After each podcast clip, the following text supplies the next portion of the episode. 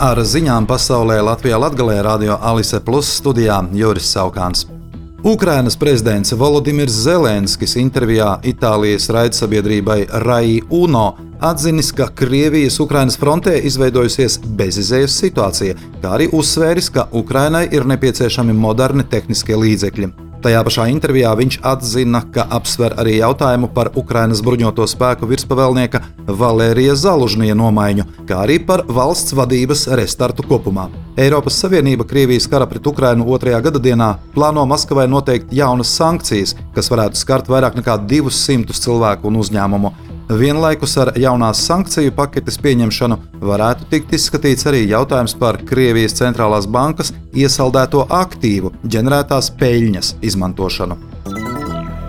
Pēc biedrības zemnieku saima valdes priekšsēdētāja Jūra Lazdiņa teiktā, lauksaimnieku protesta akcijā, kas šodien notika 16 Latvijas pilsētās, Kopumā tika iesaistītas apmēram 2000 tehnikas vienības. Kā iepriekš esam stāstījuši, zemnieki vēlas panākt Krievijas un Baltkrievijas pārtikas produktu importa aizliegumu, 5% PVN Latvijai raksturīgajiem augļiem, ogām un dārzeņiem, birokrātijas mazināšanu nozarē, plašāku pieeju apdrošināšanas un apgrozāmo līdzekļu programmām, kā arī atteikšanos no nacionāla līmeņa zemes apgrūtinājumiem vai citiem zemes lietošanas ierobežojumiem. Ja runā par šīs protesta akcijas eh, sauso atlikumu, tad lauksaimnieki jau esot saņēmuši uzaicinājumus uz tikšanos no Finanšu ministrijas un no Sēmas spīkeres, ir nolikti gan datumi, gan laiki. Zemkopības ministrs Armāns Krause, kas pārstāv Zaļo un Zemnieku savienību, savukārt paziņoja, ka virkne prasību jau ir izpildītas un tādēļ nav pamata rīkot šādu protesta akciju arī Rīgā.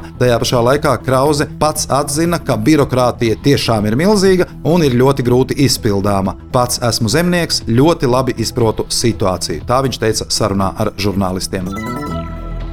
Valsts akciju sabiedrības Latvijas pasts organizētajā konkursā Mans pastnieks noskaidroti 2023. gada labākie pastnieki un pasta nodaļu operatori. Pastnieku konkurencē klienti par labāko Latvijas reģionā atzinuši Eduardu Boku no Krāslavas pirmās pasta nodaļas. Labākā pasta nodaļas operatori klientu vērtējumā Latvijas reģionā ir Laima Vaivode no Līvānu pasta nodaļas, bet par labākajiem kurjeriem mūsu pusē atzīti Andis Gruzniņš no Jākapils reģionālā loģistikas centra, kā arī Jurijs Boļšakovs no Reizeknas reģionālā loģistikas centra. Valsts akciju sabiedrības Latvijas pasts nodaļa Daugopilī jaunajā Forštatē turpinās savu darbību. Ar šādu rezultātu vainagojušās Daugopils valsts pilsētas pašvaldības domas priekšsēdētāja Andreja Elksniņa un valsts akciju sabiedrības Latvijas pasts valdes priekšsēdētājs Beātis Krauzes Čebotaris pārrunas. Andrejs Elksniņš norāda, ka jautājums par pasta nodaļas slēgšanu bija nepārdomāts, bet Jaunforštates apkaime ir skaitliski trešā apdzīvotākā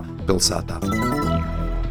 Prokuratūra Latvijas rajona tiesai nosūtījusi kriminālu lietu medicīniska rakstura piespiedu līdzekļa noteikšanai personai par huligānismu un savu kaimiņu ilgstošu terorizēšanu, solot viņus nogalināt, kā arī miesas bojājuma nodarīšanu vienam no kaimiņiem. Pirmstiesas procesā noskaidrots, ka apsūdzētā persona Daugopilī ilgstoši izsakoja savus kaimiņus un ar viņiem uzturēja nevēlamu saziņu. Apsūdzētais regulāri draudēja pielietot un arī pielietoja fizisku un emocionālu vardarbību pret kaimiņiem, pastāvot pamatam šīm personām baidīties par savu un savu tuvinieku drošību. Apsūdzētais vienam kaimiņam nodarīja tīšu vidēja smaguma miesas bojājumu ar nūju iesitot pa roku, kā rezultātā kaimiņam tika salauzts pirksts. Tāpat apsūdzētais mājas kāpņu telpā izvietoja aizvainojošu raksturu uzrakstus, komentēja kaimiņu klātbūtni ar necenzētiem vārdiem, meta viņiem ar dažādiem priekšmetiem un spļāva virsū. Bez tam apsūdzētais kāpņu telpā tīši izlēja nenoskaidrotas kodīgas ķīmiskas vielas, radot mājas iedzīvotājiem satraukumu par nezināmās vielas ietekmi uz veselību. Ņemot vērā, ka šī persona minētos noziedzīgos nodarījumus izdarījusi būdama nepieskaitāmības stāvoklī, prokurore pieņēma lēmumu par krimināllietas nosūtīšanu tiesai medicīniska rakstura piespiedu līdzekļa noteikšanai. Ar ziņām studijā bija Juris Saukāns. Par ziņu raidījumu Ziņas bez robežām pasaulē Latvijā Latgalē saturu atbilstajā Alisa Plus projektu finansē Mediju atbalsta fonds no Latvijas valsts budžeta līdzekļiem.